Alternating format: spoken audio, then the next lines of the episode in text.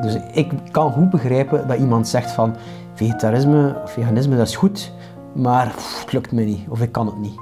Eh, omdat ik zelf tien jaar lang zo geweest ben. Ja. Voor veel mensen die überhaupt al denken van veganisten die drinken geen wijn, want eh, alles wat dat leuk is, is verboden of weet ik veel. Dus er zijn er heel veel vooroordelen over. Dus ehm, soms zeg ik van wijn drinken of alcohol drinken is een ethische plicht als, eh, als veganist. Je zelf nog maar vijf jaar vegetariër als je met Eva bent gestart. Ja, een paar jaar. Ja. Besef was er al heel lang. Dus, eh, ik denk dat ik 12 jaar was of zo. Ik dacht na over ehm, de hond die eh, bij het haardvuur lag. En een koe die op de wei stond recht over ons deur. En ik dacht van, kijk, wat is nu voor mij de uitleg waarom dat ik die hond streel en waarom dat we die koe later gaan opeten. Een raar kind dat je moet geweest zijn als je dat op 12 jaar... Ja, ja, voor mij was dat niet. Ik heb, ik heb, eh, ik heb dan tien jaar nodig gehad om, eh, om het in de praktijk toe te passen. Eh, Ja. Omdat ik zo graag vlees had. Dus door een weddenschap met een vriend die, die zei van kijk, ik geef u, die was zelf geen vegetariër, en zei van ik geef u duizend frank als je een maand vegetariër bent. Zo unlikely was dat, dat Tobias een vegetariër zou worden, dat iemand er duizend frank voor wou betalen. En dacht, dat gaat nooit Ik gebeuren. denk dat hij mij wou aanmoedigen, omdat hij zag van, hij wil dat zelf. Het was een beetje like dagen zonder vlees van la lettre. Het was, het was een manier om te zien van, oké, dit is haalbaar.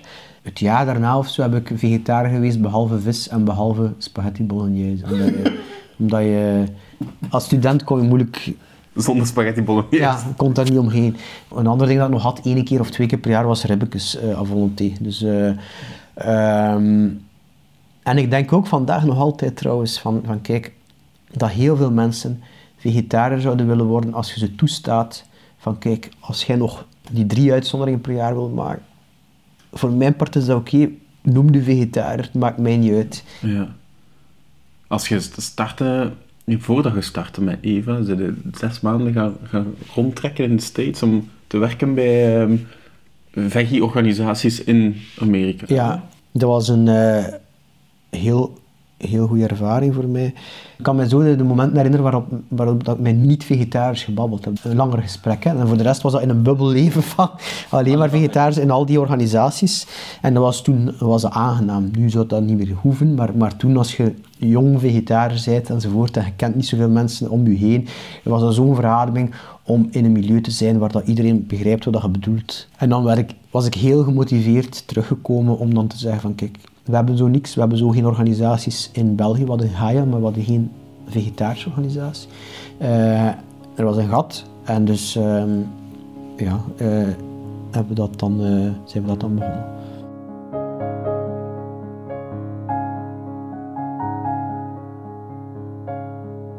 Zonder u was er eigenlijk geen donderdag veggie-dag geweest, hè?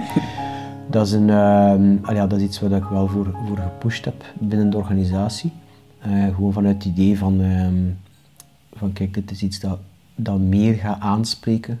Ook al valt het eigenlijk buiten onze eigen ideologie en onze eigen, ehm, ja, waar we ons comfortabel bij voelen. Maar pragmatiek zegt dan van kijk, nee, doe wat dat realistisch is, doe wat dat mensen naar gaan luisteren, eh, doe wat dat ze kunnen naar meedoen. Donderdag veggie-dag is, is wereldwijd opgepikt zelf. Ja, toen we samen met de stad Gent aangekondigd hebben dat Gent de eerste stad ter wereld werd met een officiële vegetarische dag week, in de week, ehm, is dat inderdaad ehm, de wereld rondgegaan. Dus, en en, en tot, tot anderhalf jaar later hebben we wekelijks journalisten eh, gehad die, eh, die daar iets zouden over doen. Dat moet toch Nu nog altijd. Eye-opening moment geweest zijn. Zoveel aandacht Ja. voor dat concept, dat is een wake-up call. Hey, dan, dan, dan zeggen we van oké, we hebben iets gedaan waar dat de wereld een beetje klaar voor is.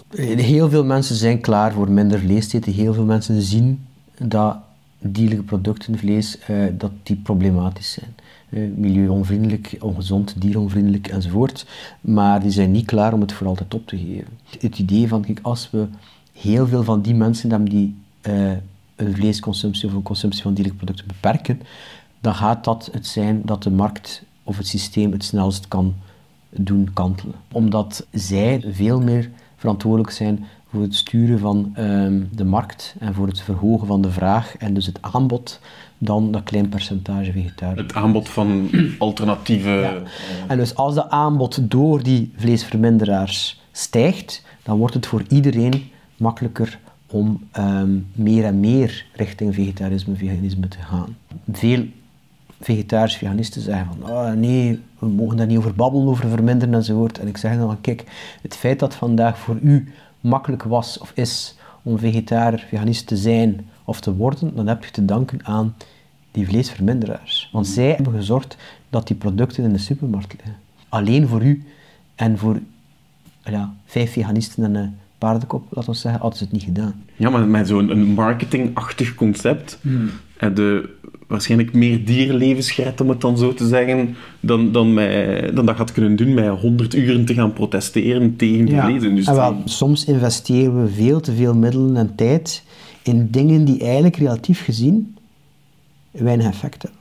Dus bijvoorbeeld, eh, ik zeg, veganisme of veganist zijn is iets goed en by all means wees veganist, maar vergeet niet dat je eigen consumptie, de manier waarop dat je consumeert, het effect daarvan is veel kleiner dan het effect van je communicatie naar andere mensen toe. Stel nu, je wordt uitgenodigd door, eh, door iemand die nog nooit veganistisch gekookt heeft, die is uit- out of the airway, die is dus eh, gaan zoeken naar, eh, naar sojamargarine en hij heeft iets gemaakt, en ik geef als voorbeeld een lasagne, eh, helemaal vegan, behalve je komt tot de ontdekking als veganist van die is vergeten dat er in de lasagnevellen dat er daar ei in zit. Ga je als veganist daar een probleem van maken op dat moment of ga je het gewoon opeten? En ik zeg eet het op.